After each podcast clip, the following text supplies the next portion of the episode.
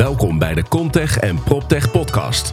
Wij brengen jou het nieuws over technologie, open innovatie en digitalisering binnen de bouw en vastgoed.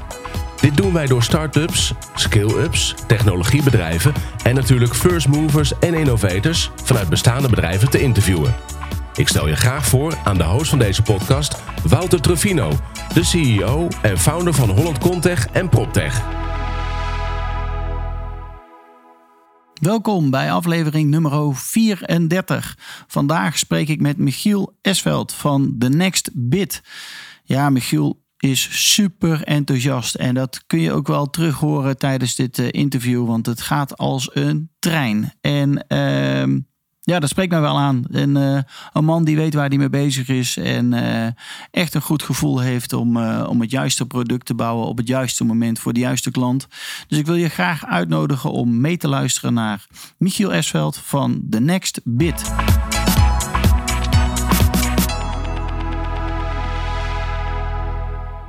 Michiel Esveld zitten we van, vandaag mee voor podcast aflevering nummer 34 alweer van The Next Bit. Michiel, welkom. Ja, dankjewel Wouter. Leuk om hier uh, de podcast mogen, mogen spreken hier. En uh, ik ben heel benieuwd. Ja, ik, ik ben ook heel in. benieuwd. Maar ik ben ook heel benieuwd naar wie jij bent. Ja, Vertel ik, eens wat over jezelf. Mijn naam is Michiel Esveld. Ik ben dus uh, co-founder van The Next Bit. in Amsterdam zitten wij.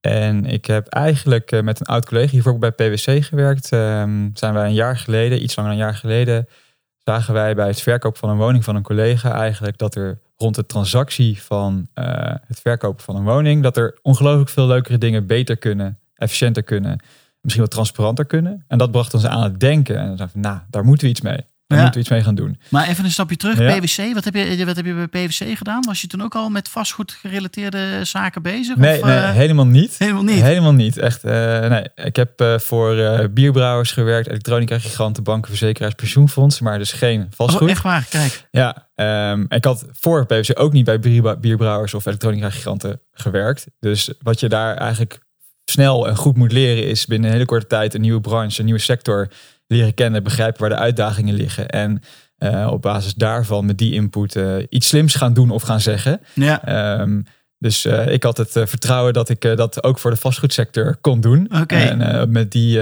overschatting ben ik gestart eigenlijk. Gestart. ja. ja. Um, en, um, ja, en wat zo... heb je voor studie achtergrond dan gedaan daarvoor? Voor PwC? Ook wel werkzaam geweest al? Of de, kom je daarvoor uit je ik studie? Heb, nou, even kijken, ik heb voor PwC heb ik een half jaar bij Heineken stage gelopen. Bij finance afdeling en dan met de oog op supply chain. Dus ik moest daar de grootste investeringen van de afgelopen vijf jaar destijds moest ik uh, eigenlijk reviewen op, uh, met kwantitatieve data-analyse en ook kwalitatieve interviews met oud-directeuren. Dus die combinatie vond ik super vet om te doen. En uh, ja, dan terug presenteren uit de MT van joh, welke aannames in de business case werkten wel? Hoe staat het er nu voor? En vaak moeten ze bij verschillende brouwerijen vergelijkbare investeringen opnieuw doen als er weer een machine kapot gaat of als er een andere modaliteit gekozen wordt voor logistiek. Dus daar leren ze heel veel van. En in Zoeterwoude, dat is de grootste brouwerij van Heineken in de wereld. Dus dat is natuurlijk ook van, daar start je met een groot project. En als het daar goed gaat, dan kan je het ook in Nigeria en in andere landen. En in Zuidoost-Azië en in uh, Midden-Amerika uitrollen. Dus uh, ja, en dat cool. was eigenlijk al een beetje consulting. Hè? Dus je doet onderzoek. Op basis daarvan breng je advies uit hoe dingen beter of anders moeten. Ja. Dus ik dacht, ja, in de lijn werken bij Heineken lijkt me leuk. Maar wat ik nu doe, vind ik eigenlijk heel veel leuker. Uh, ja. Laat ik eens gaan kijken welke clubs dat in doen in Nederland. Nou, toen dus kwam ik dat was de stap bij PwC. Uh, ja, ja, precies. En daarvoor heb ik bedrijfskunde gestudeerd in Brussel. Ik heb in Brussel een tijdje gewoond. Oh, interessant. Uh, en ik Mijn ben broertje ook. Wat zeg je? Mijn broertje ook. Die Is dat ook zo, een, ja? ja, een tijdje in Brussel niet gestudeerd, maar die heeft daar gewerkt voor, voor ExxonMobil onder andere. Nou ja, ja die zit er ook, ja. Ja, ja. Ik heb in de Vrije Universiteit Brussel dus gestudeerd. de Engelstalige master gedaan. En uh, daarvoor eigenlijk in Leiden gestart met heel iets anders. Met uh, archeologie. Ik heb archeologie en erfgoedmanagement gestudeerd in Leiden. Gaaf, dat had ik altijd willen doen. Ja, nou, ik heb het dus gedaan inderdaad. heb je het afgemaakt? Of, ja, uh... bachelor en master afgemaakt. iets van vijf stages gelopen binnen die, die sector eigenlijk. En daar naast natuurlijk heel veel thematische kennis opgedaan.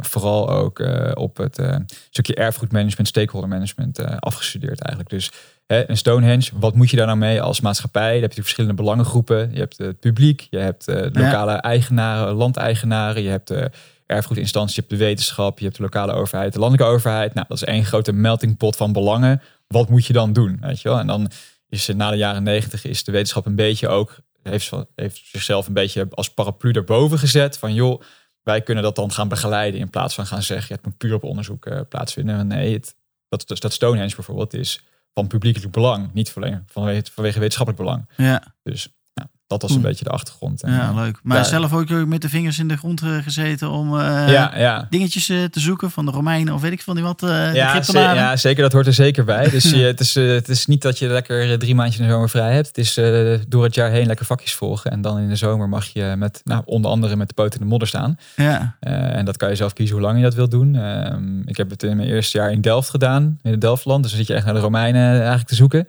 Ja. maar al snel was voor mij Midden-Amerika de allergrootste interesse eigenlijk. En uh, dus ik ben naar uh, St. Lucia een zomer geweest, een Caribisch eiland. Dus, uh, echt bounty eiland niveau, witte strand, witte stranden, blauwe zee en dan daar ook opgraven. En dat ja, was, was jij lag niet alleen maar op het strand dan. Ja, ik kwam wel terug zo bruin alsof ik op het strand gelegen had. Ik had alleen mijn zwembroek aangehad. Maar ja. ja. je bent er wel elke dag aan het werk. En dat zijn wel hele lange dagen. Dus je staat een uur op voor zonsopgang. Je probeert zoveel mogelijk daglicht te gebruiken om je opgraving te doen. En in smiddags is het vaak 1, 2 uur net iets te warm. Ja. Dat je niet dat je onpas voor een zonnesteek. Zeker als je dat weken achter elkaar doet. Uh, ja, het is gewoon zes dagen in de week van uh, zonsopgang tot zonsondergang uh, werken. Cool. En daarna lekker borrelen. Ja, precies. dat moet ook gebeuren natuurlijk, zeker als student. ja, ik heb ook nog twee maanden in Mexico gezeten. En daar was het puur echt ook het, meer een erfgoed-expeditie. Dus je was veel meer aan het bekijken hoe het geregeld werd in Mexico. En dat is natuurlijk super interessant, zeker in een land als Mexico. Dat is een iets, iets rijker land dan nou, echt een derde wereldland, zou ik zeggen. En Ehm, ja, en ook hele geschiedenis natuurlijk. Ja, zeker. Ja. Dus je hebt in, in de VS heb je echt het, koloniale verleden. In Mexico heb je meer dat uh, opeens de Spanjaarden daar even simpelweg kwamen. En uh, dat daar ook een originele bevolking was. Nou, ja. dat, die verhouding ligt nog steeds heel scheef in Mexico. Dus er zit veel onderdrukking. En het erfgoed is juist van die oorspronkelijke bevolking eigenlijk. Hè? Dus daar, daar, hun voorouders zijn daarvan. Dat is, heeft een hele schede stakeholder verhouding dan. Dus dat is ook super interessant. En dat heb ik ook een beetje doorgezet met PwC. Dus daar heb je natuurlijk ook binnen een groot bedrijf heb je ook verschillende belangen en verschillende stakeholders. Dus dat was dan in je eerste jaar bij PwC ben je natuurlijk niet gelijk daar de, de persoon die zegt uh, CEO Ralf Hamers, misschien moet je toch wat minder gaan verdienen bij ING. Maar nee. dus dat, dat zijn wel uh, dingen waar ik, waar ik dan wel origineel heel erg geïnteresseerd in was van hoe die interne bedrijfsdynamiek nou tot uiting komt bij het publiek. Ja. maar ik heb bij PwC echt zelf, en dat doe ik nu ook bij mij, ja, er zit ook een veel overlap met wat ik nu binnen, binnen de Next Bit doe. Echt um, op uh, van hoe ga je nou van een strategisch tactisch plan naar operatie en hoe maak je die zo efficiënt effectief mogelijk. Ja, dus en die bagage die je hebt mee? meegenomen uh, eigenlijk vanaf ja, tijdens studietijd ja. al en bij PwC, uh, bij Heineken PwC. Ja. Die neem je mee nu de Next Bit in. Precies, ja. Wanneer zijn jullie gestart met de Next Bit? Nextbit zijn we dus ja, iets een jaar en drie maanden geleden gestart. Dus we zijn opgericht van mij 30 december uh, 2018. Ja. Um, en toen hadden we nog helemaal niks. We dachten, we gaan eens maar eens een BV oprichten en dan bouwen en, uh, en door. Want het idee kwam dus echt oorspronkelijk uit die vriend die... Uh... Ja, dus Marnix, ja. Hè, dus de, ja. mijn co-founder, die, die was zijn huis aan het verkopen. En ik kwam net terug van een half jaar dat ik in Azië gereisd had. Toen was ik daarvoor al gestopt bij PwC. En toen zei van, joh, voor mij ben je wel handig. Kan je niet even wat mee gaan klussen, weet je wel? Dat het huis iets beter te verkopen is. En uh, ja, toen zei hij van Marnix wilde gewoon zoveel mogelijk zelf doen. Van ik wil gewoon zo zien hoe dat werkt, weet je wel. Dus de makelaar alleen maar voor de broodnodige dingen inschakelen. Ja. Uh, en ja, daar bleken allemaal haken en ogen aan te zitten of dat überhaupt wel kon. En je ziet dan ook als consultant ben je constant bezig met waar kan ding, kunnen dingen beter, efficiënter. Hoe werkt het in de marktdynamiek? Valt dit specifieke punt, datapuntje dan in die marktdynamiek? Ja, daar kwamen we eigenlijk achter best wel veel dingen van. Uh, nou ja, procesoptimalisatie was wel mijn eerste ding van wat gaat dit allemaal onhandig en niet digitaal en niet automatisch. Maar ook een stukje transparantie naar alle partijen toe mist je heel erg. Dus de verkoper weet vaak niet waar hij aan toe is. De kandidaat weet vaak waar hij niet, waar niet waar hij aan toe is. En de makelaar zit daartussenin en die mist ook nog wel wat, wat punten. Uh, dus jullie hadden zoiets van, hey, dit, dit proces kunnen wij verbeteren. Dat kan ook anders. Ja, en er zaten natuurlijk heel idyllisch in. We gaan een eigen platform maken en Funda verslaan. dat, maar dat is, de... nee, dat, is, dat is het nu niet meer inderdaad. Nu hebben we via veel feedback van makelaars en ook natuurlijk vorig jaar uh, meegedaan aan de Startup Battle voor de Provada. Ja. En daar uh, ja, hadden we dus een mooie stand uh, kunnen winnen. en dat was natuurlijk ook voor ons een, een van de momenten waar wij, wij, wij eigenlijk een soort, ja, een soort volgende stap konden nemen op basis van hele goede feedback van uh, van makelaars en van mensen actief in het vastgoed. Ja, want wat hebben jullie toen gedaan tijdens de Provada? Ja, uh, knijten hard gewerkt. Ja. Provada is niet gewoon lekker bij je stand staan en uh, wachten tot er iemand op je afkomt. Dus dat hadden wij van tevoren al in de smiezen van ja, dit is gewoon een gouden kans, die moet je aangrijpen. Ja, we dus, moeten vanaf de future de beurs op. Precies, ja. Dus ja. we hebben gewoon lijsten gemaakt met mensen. En je hebt ook zo'n superhandige tool dat je een soort van matchmaking tool zit er voor de Provada. Dat je gewoon met mensen kan aan kan spreken, joh, ik ben geïnteresseerd om dat. Ja. Of ik heb dit, zou je eens willen praten. Eh, ja, dat gewoon eh, helemaal uitgespeeld. En eh, ja, ook heel yours truly aan de andere kant van de microfoon natuurlijk aan de jas getrokken elke dag. Van Wouter, neem me mee, neem me mee, neem me mee. Ja. En ik wil hier naartoe, hier naartoe, hier naartoe. Heb je iemand die je kent? Het moet wel een concrete vraag zijn natuurlijk. Ik kan niet zeggen, Wouter, help me. Maar wel van, hey, puurmakelaars. Ken je Ja, er iemand bij? ken je iemand en zo bij? niet, dan Ja. eh, gaan we er samen staan en dan kom je vast wel iemand tegen. Precies. Daar is zo'n beurs ook voor, denk ik. ja. Eh, zeker voor start-ups. Gewoon om je netwerk eh, te starten eigenlijk of groter te maken. Je, gaat er geen, je gaat je producten niet verkopen, maar je gaat wel een afspraak inplannen met iemand. En daar, dat is gewoon, zeker in de vastgoedwereld, ja, echt de start. Dat merken we nu ook nog steeds. Waar vindt die conversion nou plaats van onze klanten? Dat is echt als je, af, als je er geweest bent, je hebt rapport opgebouwd. Eh, je, kan elkaar in de ogen aankijken en de hand schudden. En eh, het product is ook, hè, het is software, het is niet fysiek, maar je kan het wel laten zien. Nou, ja, natuurlijk vanaf eh, een scherm met een demoversie ja. Dan wordt er geconverteerd. Het is niet dat ze gewoon net zoals dat jij Spotify eh, van Spotify.com hebt eh, gedownload en je gaat, maar je hebt niet met Spotify gesproken. Nee, dat werkt niet. Zo Nee, werkt dus het niet. is- het is nee, niet een pure saas. echt, nee, het is niet een pure saas. Je moet elkaar Ja. echt wel zien en het moet je echt ook wel gegund worden uiteindelijk dan. Precies, ja. Maar ja, ja. die Provada, je hebt heel veel mensen toen gesproken. Wat is daar toen uitgekomen? Want jullie waren toen eigenlijk net gestart, eh, van een halfjaartje bezig. Ja, nog erger zelfs inderdaad. We hadden het product dat we op basis van waar we gepitcht hadden bij Provada, was er nog niet eens live. Oh, kijk. maar we deden natuurlijk wel alsof het live was. En dat was natuurlijk typische start-up eh, gedachte. Ja. Eh, en toen uiteindelijk, toen we, dat was bij de pitch en toen we het... ehm, toen Ja, de de beurs was al in, in februari, denk Precies, ik, ja. eh, van ja. 2000. maar toen de eh, start-up beurs wel was, hadden we het wel al live natuurlijk. Dus dat hadden we wel een beetje in de planning mee rekening gehouden. Maar dat is ook iets waarvan wij denken, ja, je moet wel een beetje vooruit durven te kijken en wat realistisch is. Dus we wisten dat het product af zou zijn, dus dan kan je ook doen alsof het product af is. Je moet geen dingen gaan verkopen waarvan je niet eens weet dat je ze gaat maken. Nee. Dus er zit best wel een dunne scheidingslijn in, die wel heel belangrijk maar is. jullie hadden toen een eerste product Zeker, op ja. die Provada. Volledig En- werkend, dus niet en een toen, mock-up of je ging die beurs op? Ja, en dan eh, tegen iedereen het aan gaan houden en gaan, eh, tegen iedereen gaan praten inderdaad. En dan kom je eigenlijk bepaalde dingen tegen. Waar, waar- waarmee je aankwam is een eigen platform, de nextbit.com, waar je kan bieden op een transparante manier op huurwoningen. Dat was de start. En eh, nou, dat stukje transparantie sloeg bij best wel veel grote clubs aan. Hè, want die voelen zich ook maatschappelijk betrokken. Dus die willen ook vertrouwen uitstralen. En die hebben ook een imago hoog te houden. Ja. Daar zit transparantie, of dat nou prijs is of proces op een andere manier, zit, is dat natuurlijk een heel groot component. Dus dat was iets waar ze echt op aansloegen. Eh, waar ze wat minder op aansloegen was dat andere platform. En dan heb ik nog een ander platform met nog een inlogcode waar ik eigenlijk in moet om naartoe te gaan. Dus eigenlijk kwamen we daar terug met, nou, ik denk drie grote learnings. Eén, eh super mooi idee van dat eh, biedingsproces via een woningadvertentie. Maar maak het vooral op mijn eigen website. Dan kan ik dat als marketing tool gebruiken en mensen naar mijn website toe verwijzen. Ja, En twee, ehm, ik wil het gewoon vanuit mijn eigen CRM-systeem kunnen aanzetten. Ik publiceer een woning en druk alleen maar publiceren. En dan gaat het nou, weet ik voor hoeveel websites toe, waaronder mijn eigen website. En Funda natuurlijk ook. ja. Nou, kortom, je moet het dus gaan koppelen met, met CRM-systemen. Hebben Ja. we nu gedaan. Drie. En het De derde, derde? is, joh, bieden op huurwoning. Ja, dat is wel echt heel disruptief. Als je dat nou gewoon verkoop doet ook.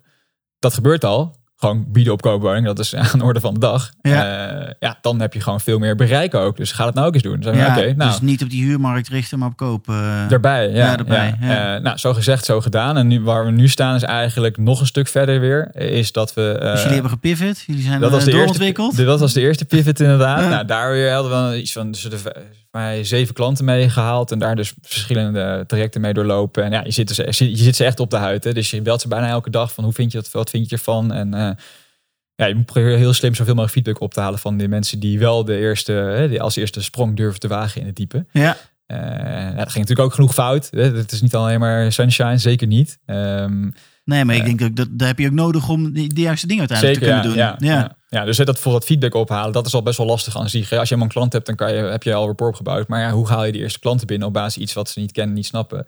Daar Ja, want het is eh, compleet nieuw. compleet nieuw inderdaad. Ja. Dus, Ja. Dus, en dat was zeker met het transparant bieden. Dan ben je eigenlijk tijdens het sales meeting ben je de, eh, ben je de, ben je de sales meeting niet op basis van het product aan het doen. Dus van joh, vind je de werk van het product niet, niet cool en la- laten we gewoon starten. Super handig voor jou vanwege een x aantal redenen. Eh, maar van dat transparante bieden zit je meer op een strategische discussie. Zit je de, zit Ja, je van de- waar, waar wil je naartoe als makelaar zijnde? Ja, of is, eh, vind, je, vind je dit wel passen bij de makelaardij? Precies, Of, of ja. ga- schaadt het niet de, de ma- makelaardij? Dus dan... Dat is op zich een hele interessante discussie die je kan hebben in de kroeg met een makelaar. Of bij een soort van propositie eh, brainstorm. Maar niet bij een salesgesprek. Nee, Dan moet je gewoon de product op de moet waarde je het eh, product hebben. ja, en dat was vaak ook zo van dat zeggen van ja, dat transparant bieden vind ik lastig, maar hoe het product eruit ziet en hoe het werkt, super vet. Dat zou ik echt graag willen hebben, maar dan wel met gesloten biedingen en mijn eigen biedingsformuliertje wil ik erin zetten. Ja, Nou, dat was dus pivot 3, of de tweede pivot eigenlijk. Dan gingen we naar, oké, ook voor huurwoningen met documentatie upload en zonder prijsvariaat variant erin. Dus eigenlijk, nu kunnen we, zijn wij eigenlijk de softwareondersteuning voor elk biedingsformulier dat een makelaar of een, of, of een projectontwikkelaar maar kan hebben. Ja. Uh, een hele slimme question wizard, zoals het mooi heet. Dus in je dashboard als makelaar of als aanbieder vul je gewoon in welke vragen je wilt hebben en wat voor soort vragen dat zijn. Dus ook bijvoorbeeld akkoord gaan met VVE-stukken of uh, met je eigen privacy statement en bepalingen. Want AVG is echt een hot topic nog steeds, merken we. En uh, nou, wij zijn dan AVG-proof by design. Dat merkten we al van als we dat nou als dus by design gewoon zijn. Ja. Een hele slimme expert daarvoor voor inschakelen. Dan kunnen we daar ook weer kunnen laten zien van joh, wij zijn er goed mee bezig geweest en kunnen je daar ook gewoon bij helpen. Ja, dan is het in één keer goed geregeld. Ja, en dat werkt ook een stuk groot stuk vertrouwen. Want sommige makelaars vinden het nog steeds een best wel een uitdaging om daarmee hè, te, Natuurlijk. echt conform AVG te werken. En hoe ver je ook wilt zijn uh, daarmee. Dus ja, dat bouwt ook weer wat vertrouwen op van, joh, kijk, deze gasten hebben er echt wel goed over nagedacht. Het zijn niet gewoon softwarebouwers, niet alleen maar nulletjes en eentjes, maar die snappen ook hoe de markt werkt, kunnen strategisch vooruitkijken, hebben een frisse blik erin. En uh, hebben ook dingen als AVG gewoon heel goed in de smiezen. Ja, dus die makelaar die kan zelf aanvinken wat hij zeg maar, uh, uh, voor een vraag wil neerleggen bij een potentiële koper. Ja, en ook dat, is, dat kan je dus één keer doen, zodat het van toepassing is op alle woningen. Oké, maar je kan het ook specifiek per woning ja, doen. Dus VV-stukken zijn per woning specifiek. Dus dan pak je gewoon alle vragen automatisch op voor alle woningen. En dan ga je per woning in ons dashboard pak je nog even aan. Hier upload ik de VV-stukken even. Of deze woning wil ik niet dat die uh, voor open bieding of gesloten bieding. En dan kan je ook tijdens het proces. wat gebeurt er dan? Want dan komt het op de website van die makelaar. Uh, gebeurt er dan iets? Ja, dus hetzelfde manier als, een, uh, als jij een website vanuit je CRM-systeem uh, publiceert op je website, verschijnt ook onze functionaliteit, geheel in de huisstijl van de makelaar overigens. Dus het is, als je het aan makelaars of klanten laat zien, dan denken ze niet van, hé, hey, er staat een toeltje van een externe partij, maar gewoon, oh, dit hoort bij de website. Ja. En dat is ook super belangrijk, dat je binnen de vertrouwde ja, omgeving van een, website, eigen... website je bot kan plaatsen. Ja. Het is veel veel vertrouwen moet je eigenlijk uitstralen naar een, naar een, naar een kandidaat toe. Ja. Want het is wel even een van de grootste financiële beslissingen van iemands leven, weet je wel. Dus dat is ja, wel je bent geen pizza aan het bestellen. Je bent echt Precies, gewoon een huis ja, aan het ja. kopen. Dat doe je niet elke, elk jaar. Nee, en dat is Nee. dus de combinatie, dus de balans die wij moeten bewaken in onze, in onze eh, kandidaat experience eigenlijk door, de, door, de, door onze flow heen. Want enerzijds wil je wel dat gemak van een pizza online via Uber iets bestellen, leveren. Maar wel met van, joh, dit is wel echt super belangrijk. denk hier goed over na. Eh, dus eh, dat, dat zijn En je wil ook het, gevoel hebben dat je nog steeds in die omgeving van die makelaar zit. Je wil, Precies. Eigenlijk hoeft de next bit is niet eens zichtbaar, denk ik. Of powered wel? by en dan ja, heel powered klein. by. Ja, heel klein. Ja, ja. Ja. Ja, Dus Ja. dat, dus de huiskleuren en de huisstijl, de lettertypes en de Alles logo's. neem je over van... eh, Ja, en wij zijn natuurlijk ook eh, mobile first designed, hè, weer zo'n hippe term. Maar dat is wel heel belangrijk, omdat makelaars ook zien, die vooral gewoon kijken van wat voor bezoekers, waar komen ze nou vandaan op mijn website. Het is gewoon een groot deel mobiel. ja, En dat wordt alleen maar meer. cool. Dus als je dat niet soort van heel goed gedaan hebt, dan verlies je gewoon mensen. Ja. Die dan van ja, dit werkt niet. Ik ga Maar je liet het net eventjes zien. Dus eh, Ja. je gaat, al, al, ik als koper zeg maar, ga gewoon naar een website van de makelaar toe. Of op Funda zit ik eh, eh, te zoeken naar een huis. Ik klik op dat huis en kom ik op de website desnoods van de makelaar uiteindelijk eh, Ja, terecht. nou, de makelaar roept zelf netjes op als hij slim is qua marketing. Van joh, eh, ik heb hele goede reden om mensen naar mijn website toe te sturen vanuit Funda. Ja, En dat is wat makelaars graag willen. Dat ze niet vijf verschillende woningen van vijf verschillende makelaars zien. Ja, zoeker, maar vijf woningen van mij. waarvan, ja precies. Ja. Ja. Ja. en dan kom je dus op die website van die makelaar Ja. eh, terecht. En daar klik je op die woning die je eventueel interessant vindt. En dan komt er een balkje onderin te staan met eh bied hier. eh. Precies, ja. Ja. ja. En dat scrolt netjes Dat- mee, zodat je het overal altijd kan vinden. Je hoeft niet te zoeken. Ja. Want dat was het mooi verschil met onze vorige widget, noem ik het even dan. Dat je stond gewoon als à la een soort van Google Maps plaatje rechts in, de, in een van de kolommen.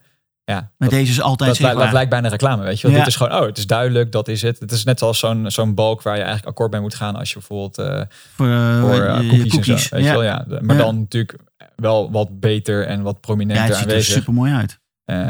En dat is ook precies weer wat de makelaar zelf kan bepalen, eh, wat hij daar wil laten zien. Dus Ja. met bieden op koopwoning kan je natuurlijk verschillende eh, strategieën hanteren. Niet alleen maar eh, gesloten biedingen doen we nu met koopwoning, maar ook open bieden. Nou, sommige omstandigheden kan je open bieden, kan eh, ja, wenselijker zijn voor een beter resultaat. Hè. Want wij willen gewoon laten zien, oké, onze software ondersteunt jouw biedingsproces. Maar ook jouw strategie om het beste resultaat te behalen. En dan kan je zelf kiezen welke opties je in wil vullen. Dus wij, Ja. zijn, wij zijn niet aan het dicteren, zo moet je doen. Nee, wij zijn gewoon puur de ondersteuner daarvan. Ja, Dus we hebben dus ook geen discussie meer met de makelaar hoe hij zijn, huis, hoe hij zijn woning moet verkopen. kan die zelf eh, allemaal... We eh, ja, ja, dat kan je dus helemaal zelf doen. En als jij iets er niet tussen ziet wat er wel tussen moet staan, zeg het vooral. En dan eh, volgende week staat het er bij de nieuwe release van de sprint, weet je wel. En Ja. dat ze, oh zo snel.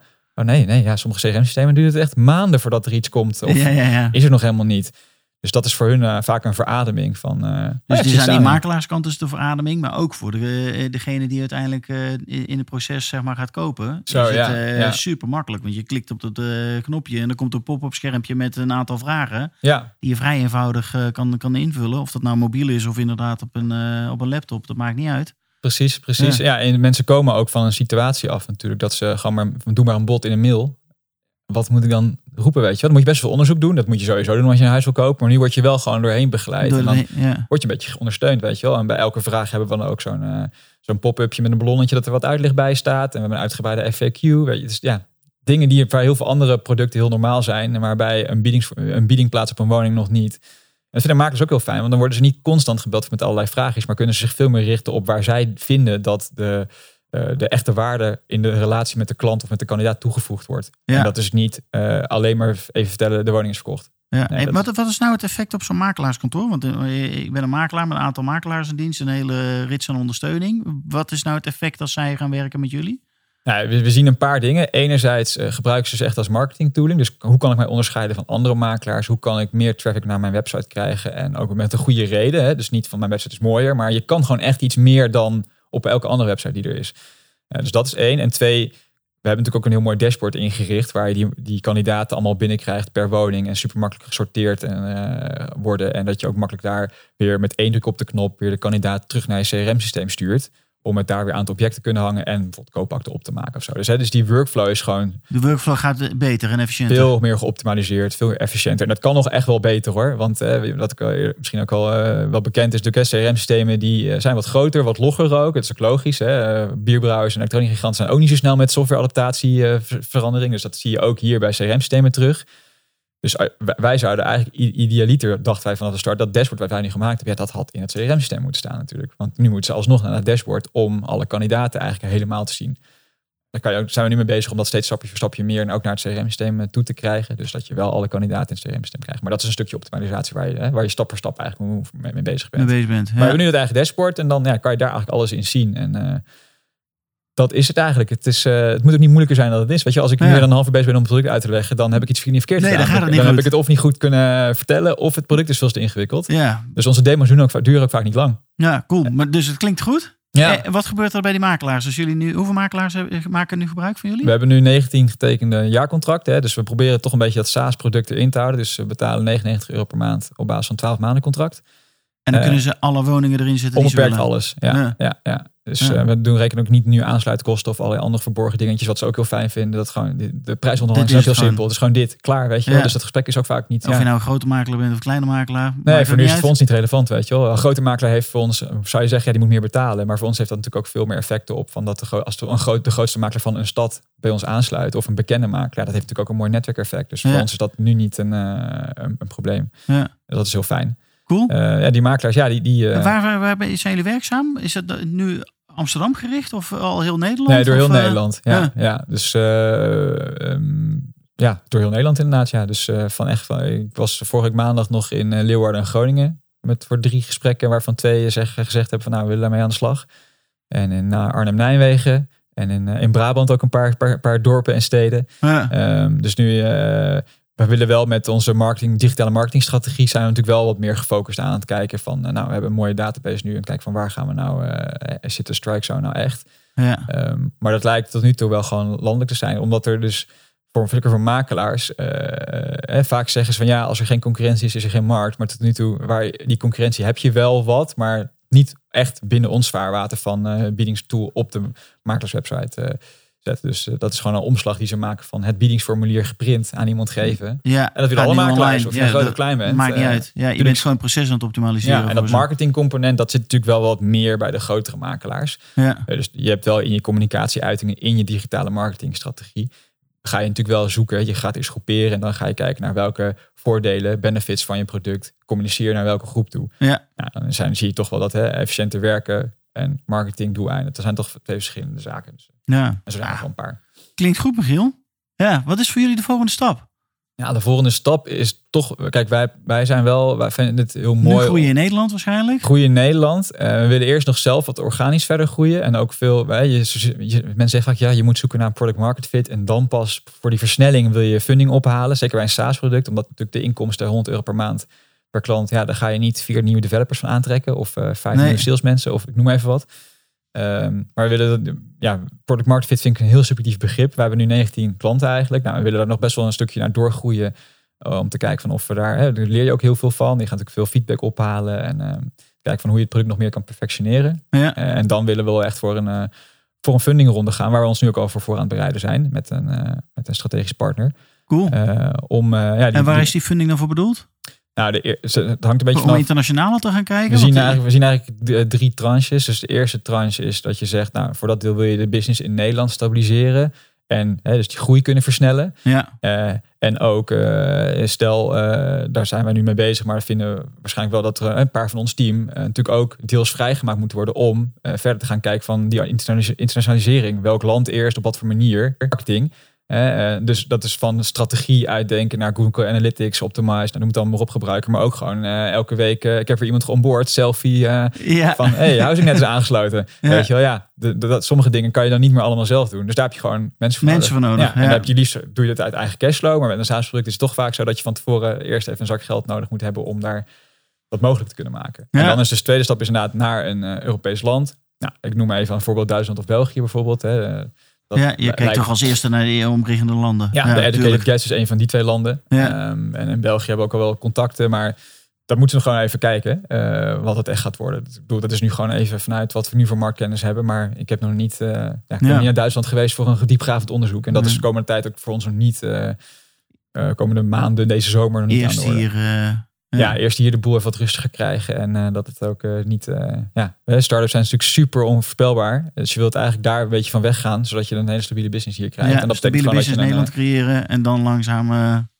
ja, Ja, dus dat, dat zijn twee stromen eigenlijk. En Ja. dan wil je eigenlijk door naar een volgend land. En kijk, je, wat wij... eh, Wat is jullie doel uiteindelijk?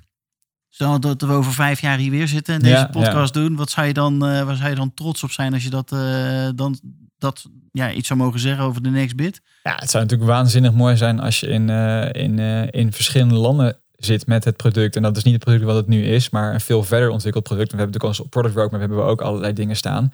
En dat, kijk, met, dat, met die widget haal je nu gewoon heel veel real-time data op van wat het marktsentiment nu is. En Wat willen mensen echt betalen, met welke voorwaarden, op wat voor soort woning. Ehm, en wat voor zoekgedrag gaat daar aan vooraf op de website van de makelaar. Ja, en Ja. die informatie, Precies. dat is natuurlijk goud waard. Ja, en dat kan al met het product dat we nu hebben. Halen we al de juiste data op om heel veel dingen te kunnen analyseren met tooling die we nog niet hebben. Ehm, en eh, nou, dus bijvoorbeeld we hebben ook al een, een trekje lopen met een, eh, een start-up die zich volledig focust op machine learning.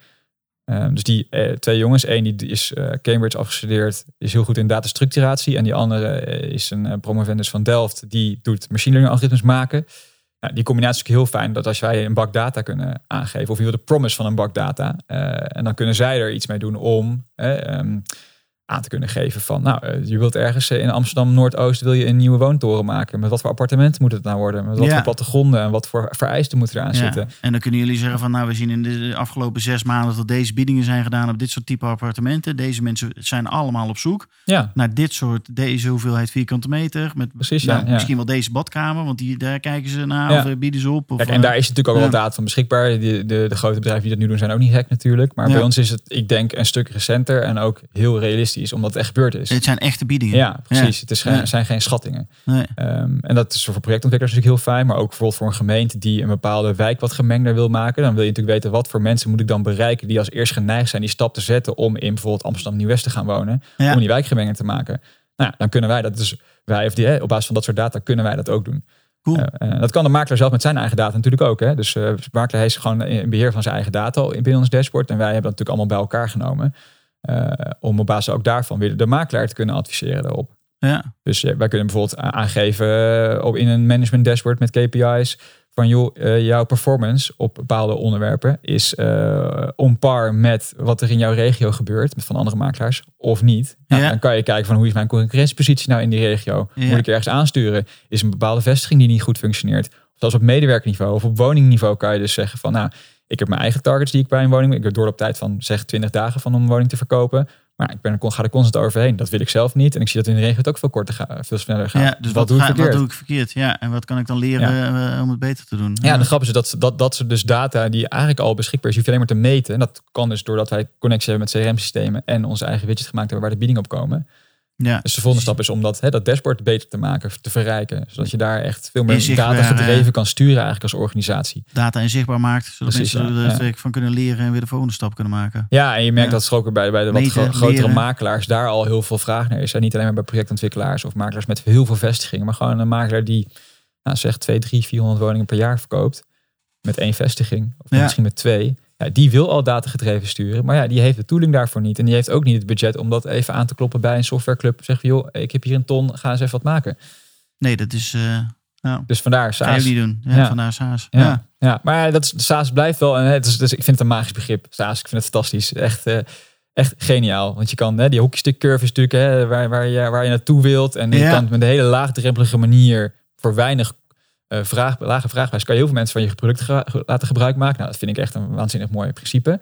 Maar er zitten komen ook wel heel veel uitdagingen bij. En dat is bijvoorbeeld natuurlijk ook dat je upfront eigenlijk best wel veel cash nodig hebt om daarmee te starten. En wij proberen dat nu een beetje een soort van eerst langzamer te groeien om echt die product market fit te bereiken. Om dan daarna eh, die De snellere groei hockeystick in te gaan. ja, dat Ja. we veel meer zekerheid hebben van dat we op de juiste manier die hockeystick gaan Ja, zoeken. je En wil ook het juiste product eh, in de hockeystick Ja, eh, dus we- ja. zodat die software as a service, zoals het dan heet, echt gaat, gaat werken. Ja, kijk, en, en, en da- daar zijn wij dan misschien wat trager in dan je zou zou willen doen. Maar dat komt ook omdat we wat meer zekerheid Ja. willen inbouwen daarin. ja, ik denk dat het niet verkeerd is hoor. Ja.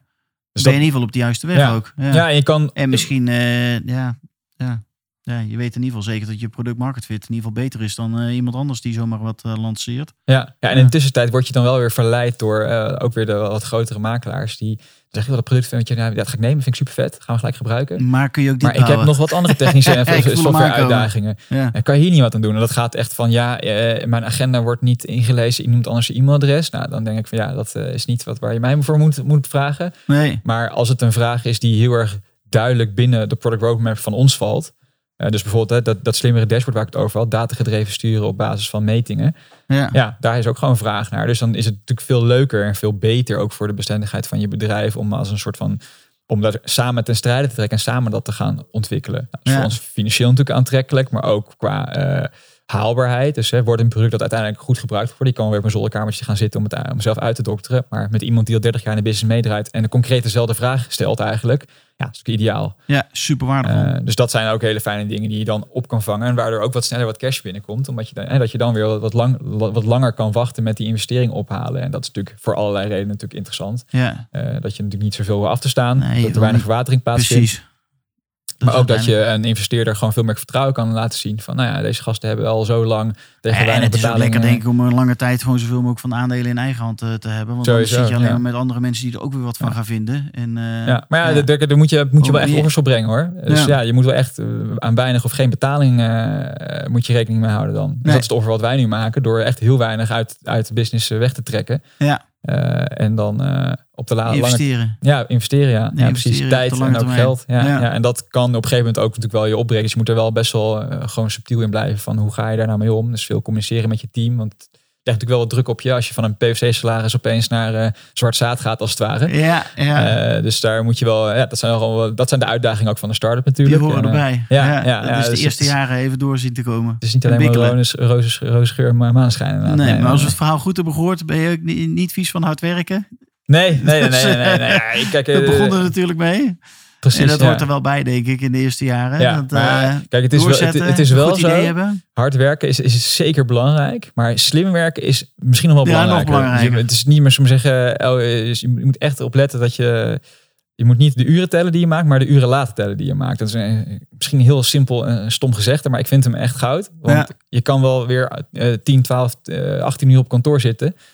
Maar ja, wat is Nee, je output dan, weet je wel? Dus je kan beter goed uitslapen zijn, gezond gegeten hebben, goed gesport hebben. En ik zeg het natuurlijk allemaal wel alsof ik het allemaal weet, maar dat gebeurt ook niet altijd even goed. Maar ik heb het tenminste wel, ik ben, ik ben bewust onbekwaam af en toe, snap je? En dat is belangrijker dan onbewust onbekwaam Nou ja, zijn. dat is heel goed. Nou, ik Ja. hou me er ook eh, druk mee bezig, want het is ontzettend belangrijk. Ja, het is topsport. om, eh, de- ja, het is echt topsport. Ja, Ja, hoort sport ook echt bij bijvoorbeeld. Ja, dat- Precies. En goed eten, goed voor je lichaam zorgen is eh, Ja. zeker een onderdeel daarvan, van, van ondernemen. Ja, precies.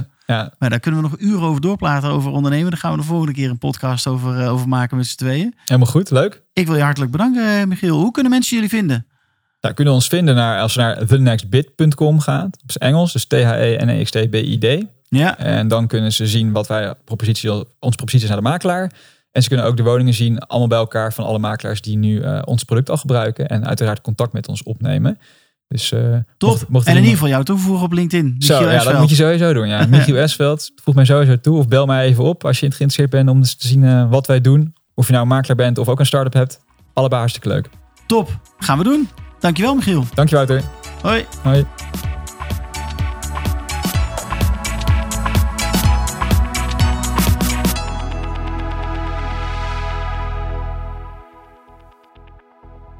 Dankjewel voor het luisteren naar aflevering nummer 34. Wat een enthousiast verhaal van, uh, van Michiel. En uh, ja, ik vond het heel inspirerend om te horen hoe hij samen met zijn co-founder bezig is om uh, met de NextBit de makelaars uit Nederland te helpen om ja, hun processen nog beter te gaan, te gaan doen en eigenlijk te gaan automatiseren en het beste bod uh, te krijgen op een huis. Maar dan ook verschillende dingen te kunnen gaan doen met, uh, met alle data die daarbij uh, verzameld wordt. natuurlijk op een AVG-proef manier. Dus ja, heel interessant, heel inspirerend. Wil je in contact komen met Michiel? ja, dan kun je ook ons altijd even bellen of mailen. En ja, we verbinden je graag. Dankjewel voor het luisteren en ik wens je een hele fijne dag toe.